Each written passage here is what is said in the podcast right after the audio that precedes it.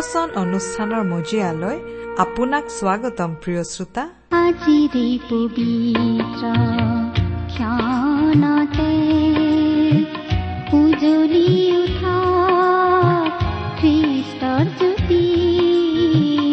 আজিৰে পবিত্ৰ ক্ষণতে উজ্বলি উঠা প্ৰিয় শ্ৰোতা ভক্তিবচন অনুষ্ঠানত আপোনাক পুনৰ লগ পাই আমি নথৈ আনন্দিত। আশা কৰো এই অনুষ্ঠানত প্ৰচাৰ হোৱা বাক্যসমূহে আপোনাৰ ব্যক্তিগত জীৱনত অলপ হলেও সহায় কৰিছে। ঈশ্বৰ এগৰাকী সৰ্বশক্তিশালী ব্যক্তি। তেওঁ পৃথিৱী আকাশমণ্ডল আৰু সৌৰজগতৰ সকলোকে নিজৰ ইচ্ছাৰে আৰু পৰাক্ৰমেৰে শৃংখলাবদ্ধভাৱে স্থিৰ কৰি থৈছে। তেওঁ প্ৰতিটো বিষয়কে একো একোটা নিয়মৰ অৰ্থাৎ নিজ নিজ সীমাৰ অন্তৰ্ভুক্ত কৰি ৰাখিছে। সেইকাৰণে সকলোবোৰ সুন্দৰকৈ চলি আছে। সেইবোৰৰ এটা বিষয়েও যদি নিজ নিয়মক চেৰাই যাবলৈ ধৰে তেন্তে সকলোবোৰ খেলি মেলি অৰ্থাৎ ধ্বংস হ'ব। আমাৰ জীৱনবোৰো তেনেকুৱা। আপোনাৰ মোৰ জীৱনটোকো ঈশ্বৰে বৰ সুন্দৰকৈ শৃংখলাবদ্ধভাৱে মংগলৰ আঁচনিৰে সজাই ৰাখিছে। ঈশ্বৰৰ পৰাক্ৰমী সুৰক্ষাৰ তলত আপোনাৰ জীৱন সদায় সুৰক্ষিত। তেওঁত আশ্ৰয় ললে আপুনি জীৱনৰ প্ৰকৃত আনন্দ বিচাৰি পাব। তেওঁৰ বাক্যই আপোনাক তেওঁৰ বিষয়ে আৰু অধিককৈ জানিবলৈ সহায় কৰাৰ আশাৰে এয়া আপোনালৈ আগবঢ়াইছো ভক্তি বচন মনেৰে তুমি ভাবিছানে? কোনো নাই কুতো মই কতো নাই জগতৰ যিচুৰ বাদে কোনো নাই।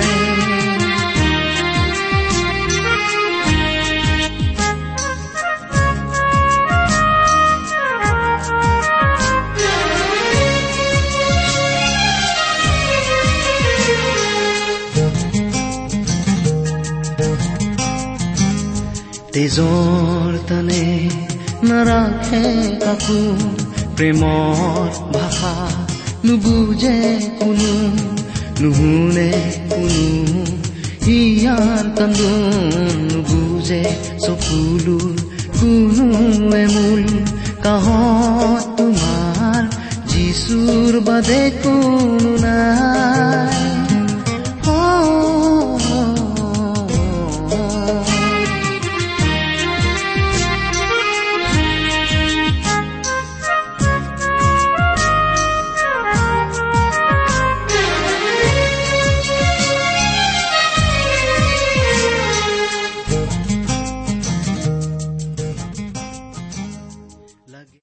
আমাৰ পৰম পবিত্ৰ প্ৰভু যীশুখ্ৰীষ্টৰ নামত নমস্কাৰ প্ৰিয় শ্ৰোতা। আশা কৰো মহান পিতা পৰমেশ্বৰৰ মহান অনুগ্ৰহত আপুনি ভালে কুশলে আছে। লগতে এই বুলিও আশা কৰিছো যে আপুনি আমাৰ এই ভক্তিবচন অনুষ্ঠানটো নিয়মিতভাৱে শুনি আছে। প্ৰিয় শ্ৰোতা এই অনুষ্ঠান শুনি আপুনি কেনে পাইছে আমালৈ চিঠি লিখি জনাবচোন। আপোনালোকৰ পৰা চিঠি পত্ৰ পাবলৈ আমি আগ্ৰহেৰে বাট চাওঁ। আহকচোন আজিৰ বাইবেল অধ্যয়ন আৰম্ভ কৰাৰ আগতে খন্তেক প্ৰাৰ্থনাত মূৰ দুৱাওঁ।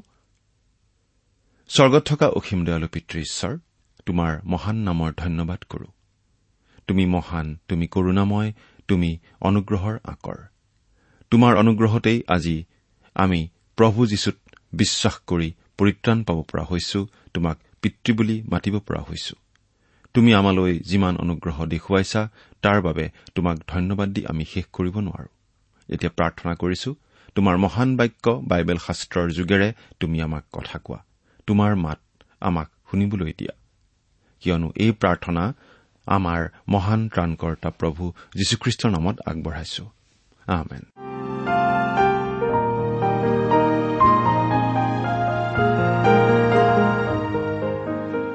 প্ৰিয় শ্ৰোতা আপুনি বাৰু আমাৰ এই ভক্তিবচন অনুষ্ঠানটো নিয়মিতভাৱে শুনি আছেনে? যদিহে শুনি আছে তেনেহলে আপুনি এই কথা নিশ্চয় জানে যে আমি এতিয়া বাইবেলৰ পুৰণি নিয়ম খণ্ডৰ জিৰিমিয়া ভাৱবাদীৰ পুস্তক নামৰ পুস্তকখন অধ্যয়ন কৰি আছো। আমি যোৱা অনুষ্ঠানত এই জিৰিমিয়া ভাৱবাদীৰ পুস্তকৰ তিনি নম্বৰ অধ্যায়ৰ শেষৰটো পদলৈকে পঢ়ি আমাৰ আলোচনা আগবঢ়াইছিলো। আজিৰ অধ্যয়নত আমি এই পুস্তকখনৰ চাৰি পাঁচ আৰু ছয় এই তিনিওটা অধ্যায় অলপ চুটি চুটিকৈ আলোচনা কৰিম। আজি আমি সেইটো সময়ত উপস্থিত হৈছো যেতিয়া জিহুদাৰ ৰজা জুচিয়াই জিহুদাত ৰাজত্ব কৰিছিল আৰু প্ৰতিমা পূজাৰ বিৰুদ্ধে দেশখনত সংস্কাৰ কাৰ্য চলাই আছিল। তেওঁ ঈশ্বৰ ভক্ত লোক আছিল আৰু জিৰিমীয়া ভাৱবাদীৰ কথা তেওঁ শুনিছিল। তেওঁ ঈশ্বৰৰ বাক্যৰ দ্বাৰা বিশেষভাৱে প্ৰভাৱিত হৈছিল আৰু তেওঁৰ ওচৰ চাপি আহিছিল। যি কি নহওক আজি আমি জিৰিমিয়াৰ দ্বিতীয় বাণীটোৰ ওপৰতেই আলোচনা কৰিম আৰু সেইটো হৈছে ঈশ্বৰে কৈছে এনেহলেও তাইৰ বিশ্বাসঘাতকিনী বায়েক জীহুদাই সম্পূৰ্ণ মনেৰে সৈতে নহয় কেৱল কপটতাৰেহে মোলৈ ওলটিল তাৰমানে তেওঁলোকে দেখাক দেখি ঈশ্বৰলৈ ঘূৰিছিল। ঈশ্বৰৰ মন্দিৰলৈ গৈছিল আৰু নীতি নিয়ম পালন কৰিছিল। কিন্তু সেইবিলাকত কোনো আন্তৰিকতা নাছিল। তাৰমানে জিহুদাত সংস্কাৰ হৈছিল ঠিকেই কিন্তু প্ৰকৃত অৰ্থত আম্মিক পুনৰ জাগৰণ হোৱা নাছিল। ফলস্বৰূপে মানুহবিলাকৰ জীৱন পৰিৱৰ্তন হোৱা নাছিল। সেইকাৰণে ঈশ্বৰে তেওঁলোকক বাৰে বাৰে আহান কৰি আছিল আৰু সেই বিষয়ে চাৰি নম্বৰ অধ্যায়ৰ এক নম্বৰ পদ পাঠ কৰিছো শুনিবচোন। জিৰিমিয়া চাৰি নম্বৰ অধ্যায় এক নম্বৰ পদ। জিহুৱাই কৈছে হে ইছৰাইল তুমি যদি ওলটি আহিব খোজা তেন্তে মোৰ ওচৰলৈকে ওলটি আহা। আৰু যদি মোৰ দৃষ্টিৰ পৰা তোমাৰ ঘীনলগীয়া বস্তুবোৰ দূৰ কৰা তেন্তে তুমি লৰচৰ নহবা। ঈশ্বৰে জিহুদাৰ মানুহবিলাকক কৈছে যে যদি তোমালোকে মোৰ ওচৰলৈ আহা আৰু মোৰ সৈতে পুনৰ সম্বন্ধ স্থাপন কৰা তেন্তে তোমালোকৰ দেশৰ পৰা মই লৰচৰ হবলৈ নিদিম। আৰু তুমি সত্য ন্যায় আৰু ধাৰ্মিকতাৰে জিহুৱাৰ জীৱনৰ শপত কৰিবা আৰু জাতিবিলাকে তেওঁতেই নিজক আশীৰ্বাদ প্ৰাপ্ত বুলি জ্ঞান কৰিব আৰু তেওঁতেই তেওঁবিলাকে গৌৰৱ কৰিব। কিয়নো জিহুৱাই জিহুদাৰ আৰু জিৰচালেমৰ লোকবিলাকক এই কথা কৈছে তোমালোকে নিজৰ গতিত মাটি চহোৱা কাঁইটৰ মাজত গুটি নববা। ঈশ্বৰে ইয়াত সংস্কাৰৰ কথাকেই কৈছে যে কেৱল মাত্ৰ সংস্কাৰ কোনো কামৰ নহয়। অৰ্থাৎ গুটি সিঁচাৰ আগতে মাটিডৰা ভালদৰে চহাই ল'ব লাগিব। কিন্তু কাঁইটৰ ওপৰত গুটি সিঁচি কোনো লাভ নাই। শুভবাৰ্তা প্ৰচাৰৰ ক্ষেত্ৰতো আমি যীশুৰ নামত বাপ্তিস্ম দিলেই কোনো লাভ নহ'ব। প্ৰথমে যীশুৰ কাৰণে মানুহৰ অন্তৰ জয় কৰিব লাগিব। পদ। হে জিহুদাৰ লোক হে জিৰচালেম নিবাসী লোক তোমালোকে জিহুৱাৰ উদ্দেশ্যে চুন্নত হোৱা। নিজ নিজ হৃদয়ৰ অগ্ৰচৰ্ম গুচাই পেলোৱা। নতুবা তোমালোকৰ কাৰ্যৰ দুষ্টতাৰ নিমিত্তে মোৰ ক্ৰোধাগ্নি জ্বলি উঠি কোনেও নুমাব নোৱাৰাকৈ দগ্ধ কৰিব। প্ৰিয় শ্ৰোতা ঈশ্বৰে তেওঁলোকক কৈছিল যে তেওঁলোকে বাহিৰা নিয়ম নীতিৰে ধুই পখালি পৰিষ্কাৰ হবলৈ চেষ্টা কৰিব নালাগে। কিন্তু হৃদয় আগুৰি থকা মলিন আৱৰণ দূৰ কৰক আৰু ঈশ্বৰলৈ আহক। আৰু যদি তেনেকুৱা নকৰে তেন্তে অতি সোনকালে ধ্বংস আহি আছে। পাছৰ পৰা আঠ নম্বৰ পদ পাঠ কৰি দিম। জিহুদাত প্ৰচাৰ কৰা আৰু জিৰচালেমত ঘোষণা কৰা আৰু কোৱা দেশত তোমালোকে শিঙা বজোৱা। আৰু ৰিঙিয়াই কোৱা গোট খোৱা আহা আমি গড়েৰে আবৃত হোৱা নগৰবোৰত সোমাওগৈ।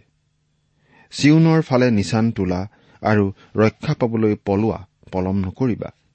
কিয়নো মই উত্তৰ দিশৰ পৰা অমংগল আৰু মহাসংহাৰ আনিছো। এটা সিংহ জাতিবিলাকৰ এক সংহাৰক নিজ গাঁতৰ পৰা ওলাই আহিছে। তোমাৰ দেশ উচ্ছন্ন কৰিবলৈ সি নিজ ঠাই এৰি বাটত আহিছে। তোমাৰ নগৰবোৰ ধ্বংস হৈ নিবাসী শূন্য হ'ব। এই হেতুকে তোমালোকে কঁকালত ছট বান্ধা বুকুত ভুকুৱাই হাহাকাৰ কৰা। কিয়নো ঈশ্বৰৰ জ্বলন্ত ক্ৰোধ আমাৰ পৰা ঘূৰি যোৱা নাই। প্ৰিয় শ্ৰোতা ইছৰাইলৰ উত্তৰাঞ্চলৰ দহটা ফৈদ কেনেকৈ শত্ৰুৰ হাতত বন্দী হৈছিল সেই কথা জিহুদাৰ মানুহবিলাকে দেখা পাইছিল। জিৰিমিয়াই তাৰ পৰা তেওঁলোকক শিক্ষা ল'বলৈ কৈ আছিল আৰু কৈছিল যে ঈশ্বৰে তেওঁলোকৰ বিৰুদ্ধে এক মহাশত্ৰু আনি আনি আছে আৰু সেই শত্ৰুৱে তেওঁলোকক একেবাৰে ধ্বংস কৰিব। এতিয়া এঘাৰ নম্বৰ পদৰ পৰা একেবাৰে চৈধ্য নম্বৰ পদলৈকে পাঠ কৰি দিছো। সেই কালত এই জাতিক আৰু জিৰচালেমক এই কথা কোৱা যাব। অৰণ্যত থকা গছ শূন্য পৰ্বতবোৰৰ পৰা গৰম বতাহ আমাৰ জাতিস্বৰূপা জীয়াৰীৰ ফালে আহিছে। সেয়ে জাৰিবলৈ কি নিকা কৰিবলৈ নহয়। সেইবোৰৰ পৰা প্ৰবল বতাহ মোৰ আজ্ঞাত আহিব। এতিয়া ময়ো তেওঁবিলাকৰ বিৰুদ্ধে দন্তাজ্ঞা প্ৰচাৰ কৰিম। চোৱা সি মেঘবোৰৰ নিচিনাকৈ উঠি আহিব। তাৰ ৰথবোৰ বা মাৰলী বতাহস্বৰূপ তাৰ ঘোঁৰাবোৰ কোৰৰ পক্ষীতকৈও বেগী হাই হাই আমাৰ সৰ্বনাশ কিয়নো আমি নষ্ট হলো। হে জিৰচালেম পৰিত্ৰাণ পাবৰ নিমিত্তে তুমি তোমাৰ হৃদয় ধুই দুষ্টতা দূৰ কৰা। তোমাৰ অন্তৰত কুভাৱনা কিমান দিন থাকিব? প্ৰিয় শ্ৰোতা স্বাভাৱিক মানুহে নিজে ভাল হবলৈ চেষ্টা কৰিব পাৰে কিন্তু ভাল হ'ব নোৱাৰে। সেইকাৰণে জিৰিমিয়াই তেওঁলোকক হৃদয়ত চুন্নত হবলৈ অৰ্থাৎ হৃদয়ৰ মলিন আভৰণ দূৰ কৰিবলৈ কৈ আছিল। কিন্তু তেওঁলোকে সেই কথা শুনা নাছিল। প্ৰিয় শ্ৰোতা আপুনি হয়তো ঈশ্বৰৰ কথা নুশুনি তেওঁক অস্বীকাৰ কৰিব পাৰে। সেই অধিকাৰ আপোনাৰ আছে। কিন্তু আমি যদি ঈশ্বৰক অস্বীকাৰ কৰো তেন্তে ঈশ্বৰেও আমাক অস্বীকাৰ কৰিব। তথাপি ঈশ্বৰ ধৈৰ্যশীল আৰু সহনশীল। আপোনাৰ বাবে তেওঁ শেষলৈকে বাট চাব। কিন্তু আমিনো কিমান দিন জীয়াই থাকিম? পোন্ধৰৰ পৰা ওঠৰ নম্বৰ পদলৈকে চাওঁ হওক।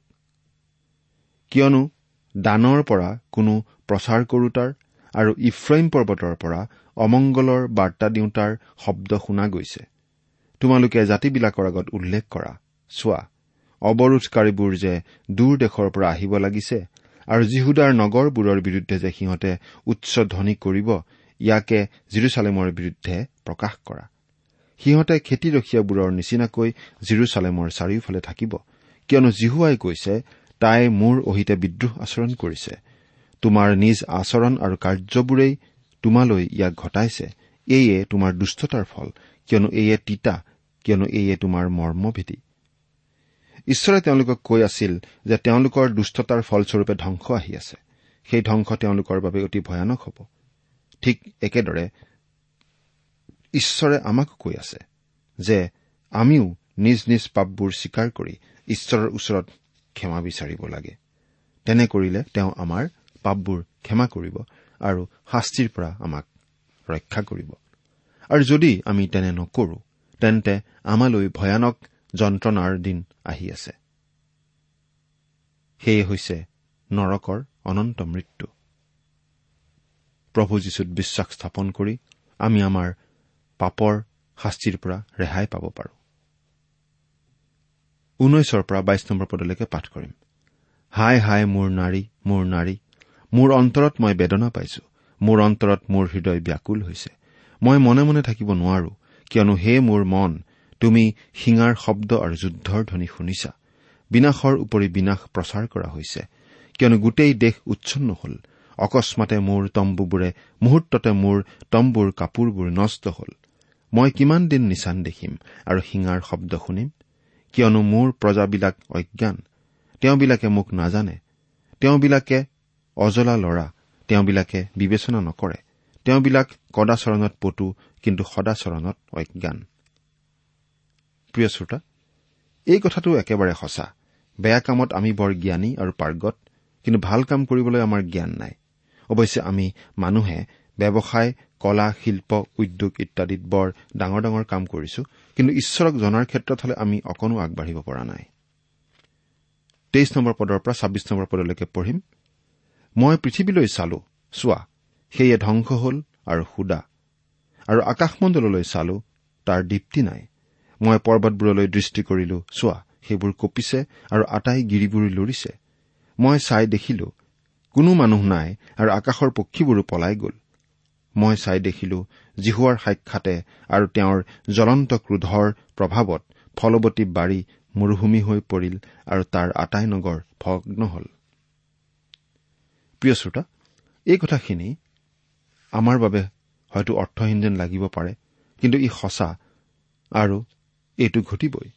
এনে এটি দিনলৈ আমি মানুহ জাতি আগুৱাই গৈ আছো আৰু মানুহৰ পাপৰ বাবেই এনে ঘটনা ঘটিব।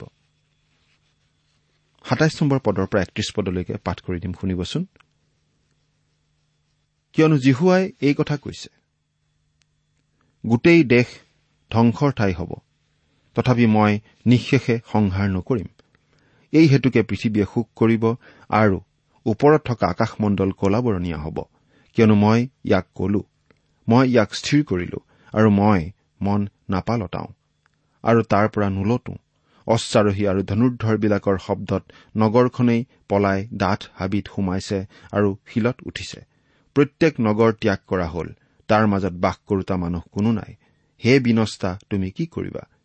যদিও তুমি কাপোৰ পিন্ধা সোণৰ অলংকাৰেৰে নিজকে ভূষিত কৰা আৰু কাজলেৰে চকু দুটা ডাঙৰ কৰা তথাপি তুমি নিজকে সুন্দৰী কৰা বৃথা। উপপতিবোৰে তোমাক ঘৃণাই সিহঁতে তোমাৰ প্ৰাণ নষ্ট কৰিবলৈ বিচাৰে কিয়নো মই এজনী প্ৰসৱকাৰিণী তিৰোতাৰ শব্দ। প্ৰথম ল'ৰা উপজোৱাজনীৰ বেদনাৰ শব্দ যেন শুনিছো। মোৰ সৰ্বনাশ কিয়নো বধকাৰীবোৰৰ আগত মোৰ প্ৰাণ অচেতন হৈছে। এই বুলি কৈ দীঘল নিশ্বাস পেলোৱা হাত বিস্তাৰ কৰা চিয়ন জীয়ৰীৰ শব্দ শুনিছো। প্ৰিয় শ্ৰোতা এনে হাহাকাৰৰ দিন জিহুদাৰ ওপৰলৈ সঁচাকৈ আহিছিল। আৰু জগতৰ শেষত এই দিন পুনৰ আহিব। কিন্তু প্ৰভু যীশুক বিশ্বাস কৰি ঈশ্বৰৰ সন্তান হোৱাসকল ইয়াৰ পৰা ৰক্ষা পাব। চাৰি নম্বৰ অধ্যায়ৰ আলোচনা আমি ইমানতেই শেষ কৰিছো। আৰু পাঁচ নম্বৰ অধ্যায়লৈ আগবাঢ়ো। ইয়াত জিৰিমিয়াই মানুহবিলাকৰ পাপ নিৰ্দিষ্টকৈ আঙুলিয়াই দিয়া আমি দেখিবলৈ পাওঁ। এই বিষয়ে আমি এক নম্বৰ পদৰ পৰা তিনি নম্বৰ পদলৈকে পঢ়িছো শুনিবচোন। তোমালোকে জিৰচালেমৰ বাটে বাটে ইফালে সিফালে লৰি ফুৰা আৰু মন দি চোৱা আৰু তাৰ চকে চকে বিচাৰা। ন্যায় কাৰ্যকাৰী আৰু সত্যৰ অনুগামী এজনকে যদি পাব পাৰা তেন্তে মই নগৰখনক ক্ষমা কৰিম। যদিও সিহঁতে জিহুৱাৰ জীৱনৰ শপত এই বুলি কয় তথাপি সিহঁতে মিছা শপত খায়। হে জিহুৱা তোমাৰ দৃষ্টি সত্যলৈ নহয়নে? তুমি সিহঁতক প্ৰহাৰ কৰিলা তথাপি সিহঁত দূষিত নহল।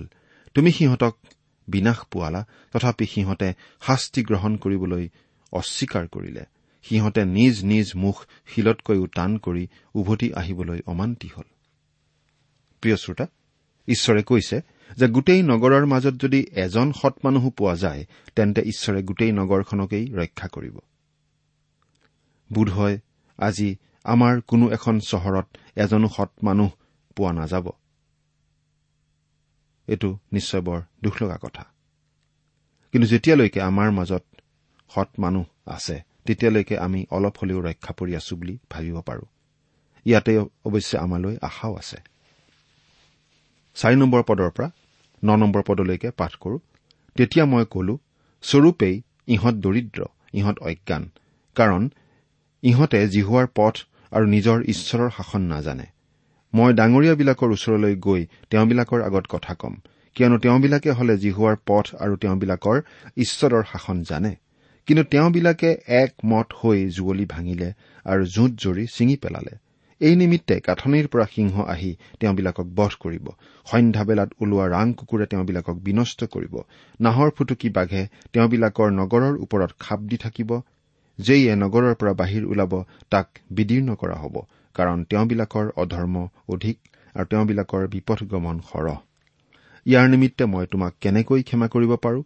তোমাৰ সন্তানবিলাকে মোক ত্যাগ কৰি অনিশ্বৰবোৰৰ নামেৰে শপত খায়।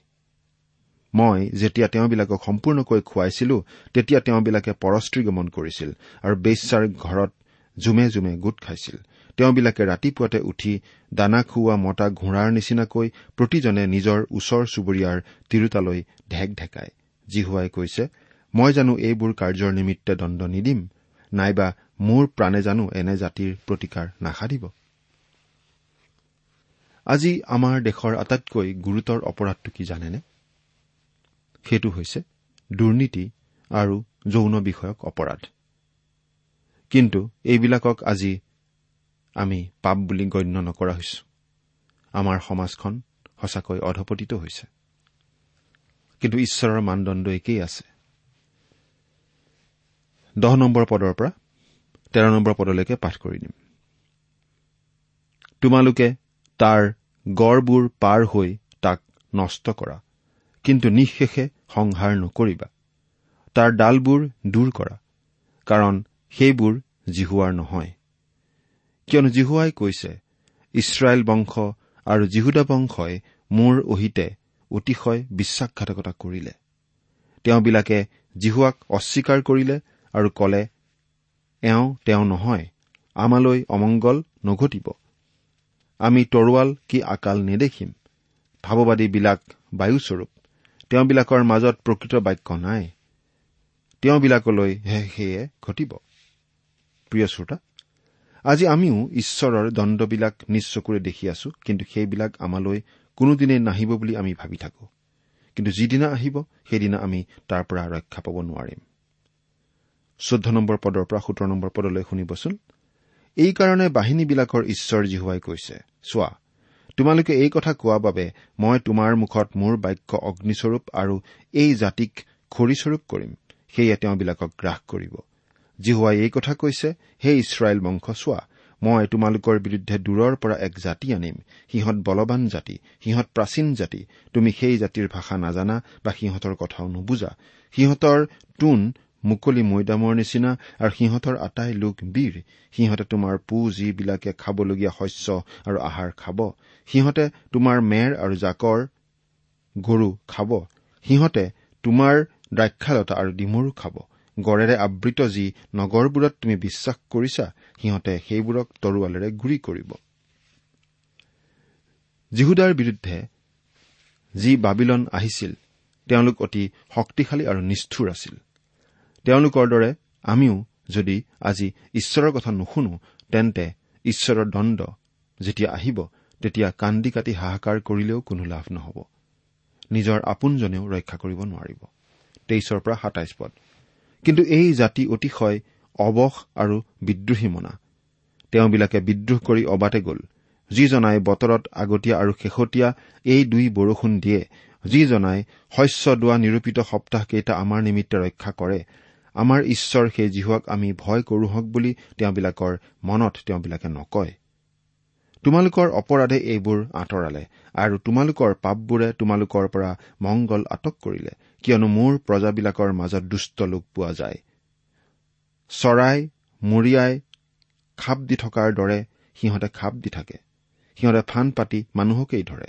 সজা যেনেকৈ চৰাইৰে পুৰ সিহঁতৰ ঘৰবোৰ তেনেকৈ চলেৰে পৰিপূৰ্ণ। এই নিমিত্তে সিহঁত বৰ লোক আৰু ধনী হল। আজি আমাৰ দিনতো ঘৰ পৰিয়ালবোৰ পাপেৰে পৰিপূৰ্ণ হৈ পৰিছে আৰু সেইকাৰণে ল'ৰা ছোৱালীবিলাক অবাধ্য আৰু উশৃংখল হৈছে। আৰু বহুতো ল'ৰা ছোৱালী ঘৰৰ পৰাই ওলাই যায়। ইয়াৰ কাৰণ হল ঘৰত নিবাস কৰা পাপ। ত্ৰিশ আৰু একত্ৰিশ পদ। দেশৰ মাজত এক আচৰিত আৰু নোম সিঁয়ৰি যোৱা ঘটনা ঘটিছে। ভাৱবাদীবিলাকে মিছা ভাৱবাণী প্ৰচাৰ কৰে আৰু পুৰোহিতবিলাকে তেওঁলোকৰ দ্বাৰাই পৰিচালিত হৈ শাসন কৰে আৰু মোৰ প্ৰজাবিলাকে এনেকুৱা হোৱা ভাল পায়। কিন্তু ইয়াৰ অন্তত তোমালোকে কি কৰিবা? বাইবেলে ঠিকেই কৈছে কেৱল সৰ্বসাধাৰণ মানুহেই নহয় নেতা যাজক পুৰোহিত আদিৰ মাজতো ঈশ্বৰৰ সত্যতাত ভৰসা কৰা লোক নাই। এতিয়া আমি ছয় নম্বৰ অধ্যায়লৈ আহিছো আৰু দহৰ পৰা তেৰ নম্বৰ পদলৈকে পাঠ কৰিছো। শুনিবচোন। তেওঁবিলাকে শুনিবৰ নিমিত্তে মই কাৰ আগত কম আৰু সাক্ষ্য দিম? চোৱা তেওঁবিলাকৰ কাণ অচুন্নত তেওঁবিলাকে শুনিব নোৱাৰে। চোৱা জিহুৱাৰ বাক্য তেওঁবিলাকৰ ধিক্কাৰৰ বিষয় হৈছে তেওঁবিলাকে তাত একো সন্তোষ নাপায়। এই হেতুকে মই জিহুৱাৰ ক্ৰোধেৰে পৰিপূৰ্ণ হৈছো মই তাক আটক কৰি ৰাখিবলৈ ক্লান্ত হৈছো। আলিত শিশুবিলাকৰ ওপৰত আৰু ডেকাবিলাকৰ সভাৰ ওপৰত তাক একেবাৰে ঢালি দিয়া। কিয়নো ভাৰ্যাৰে সৈতে স্বামী সম্পূৰ্ণ আয়ুসপ্ৰাপ্ত লোকে সৈতে বৃদ্ধ সকলোকে ধৰা যাব। তেওঁবিলাকৰ ঘৰবোৰ পথাৰবোৰ আৰু তেওঁবিলাকৰ তিৰোতাবোৰে অন্যক দিয়া যাব। কাৰণ জিহুৱাই কৈছে মই দেশ নিবাসীবিলাকৰ বিৰুদ্ধে মোৰ হাত মেলিম। কিয়নো তেওঁবিলাকৰ সৰুৰ পৰা বৰলৈকে প্ৰতিজন লোভত আসক্ত আৰু ভাৱবাদীৰ পৰা পুৰোহিতলৈকে প্ৰতিজনে প্ৰবঞ্চনাৰ কাৰ্য কৰে। সেই সময়ত গোটেই জিহুদা জাতিটোক লোভে অন্ধকাৰত বুঢ়াই থৈছিল। লোভে আজি আমাৰ সমাজখনতো অতি ভয়ানক ৰূপ লৈছে। ধন সম্পত্তি মান মৰ্যাদা ক্ষমতা আদিৰ লোভত মানুহ অন্ধ হৈ পৰিছে। চৈধ্য আৰু পোন্ধৰ নম্বৰ পদ। যেতিয়া কোনো শান্তি নাই তেতিয়া তেওঁবিলাকে শান্তি শান্তি বুলি কৈ মোৰ প্ৰজাবিলাকৰ ঘাঁ সামান্যৰূপে সুস্থ কৰিলে। তেওঁবিলাকে ঘীনলগীয়া কাৰ্য কৰাত তেওঁবিলাকে লাজ পাওক চাৰি মুখ বিৱৰ্ণ কৰিবলৈ জনা নাই। এই নিমিত্তে তেওঁবিলাক পতিত হোৱা লোকবিলাকৰ মাজত পতিত হ'ব। জিহুৱাই কৈছে মই তেওঁবিলাকক দণ্ড দিয়াৰ সময়ত তেওঁবিলাকে উজুতি খাই পৰিব। অৰ্থাৎ সেই সময়ত যি সংস্কাৰ চলিছিল সেয়া আছিল ওপৰুৱা সেয়া হৃদয়ৰ ৰোগত ছালত মলম লগোৱাৰ দৰেহে আছিল। আমাৰ দেশতো আমাৰ সমাজতো শান্তিৰ কাৰণে বহুত কিবা কিবি কৰা হৈ আছে। কিন্তু মানুহৰ যি প্ৰকৃত ৰোগ পাপ ৰোগ সেই ৰোগ সুস্থ কৰা নহলে মানুহৰ মাজলৈ কেতিয়াও শান্তি আহিব নোৱাৰে আৰু একমাত্ৰ প্ৰভু যীশুখ্ৰীষ্টইহে সেইটো কৰিব পাৰে। মানুহে যেতিয়া ঈশ্বৰৰ বাক্য অমান্য কৰে ঈশ্বৰকে অমান্য কৰে আৰু ঈশ্বৰক অমান্য কৰাৰ ফল কেতিয়াও ভাল হ'ব নোৱাৰে। সদায় ভয়ানক। ইছৰাইলে ঈশ্বৰৰ বাক্য অমান্য কৰাৰ পৰিণাম কি আছিল সেইটো আপুনি নিশ্চয় গম পাইছ। এই কথা শুনিও যদি আমি ঈশ্বৰলৈ নুঘূৰো তেন্তে আমি আৰু বেছি ভয়ানক পৰিণামৰ মুখামুখি হ'ব লগা হ'ব। আশা কৰো আপুনি আজিয়েই ঈশ্বৰৰ হাতত নিজকে সোধাই দিব। এই প্ৰাৰ্থনাৰে আজিলৈ আলোচনাটি ইমানতেই সামৰিছো। নমস্কাৰ।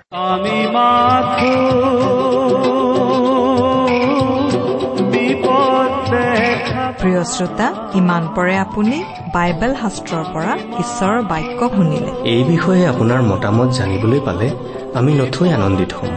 আমি প্ৰস্তুত কৰা বাইবেল অধ্যয়নৰ চিডিসমূহ পাব বিচাৰিলে আৰু অনুষ্ঠানত প্ৰচাৰ কৰা কোনো কথা বুজিব লগা থাকিলেও আমালৈ লিখক।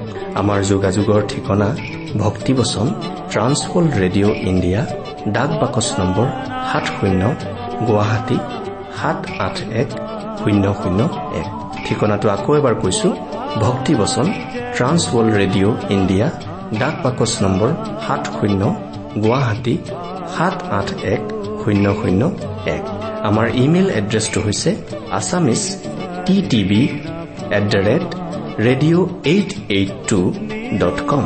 আমাৰ website W W W dot T W R dot in. আপুনি টেলিফোনৰ মাধ্যমেৰেও আমাক যোগাযোগ কৰিব পাৰে। আমাৰ টেলিফোন নম্বৰটো হৈছে nine eight five four zero' four zero' eight eight nine. Phone নম্বৰটো আকৌ এবাৰ কৈছো ন আঠ পাঁচ চাৰি শূন্য চাৰি শূন্য আঠ আঠ ন।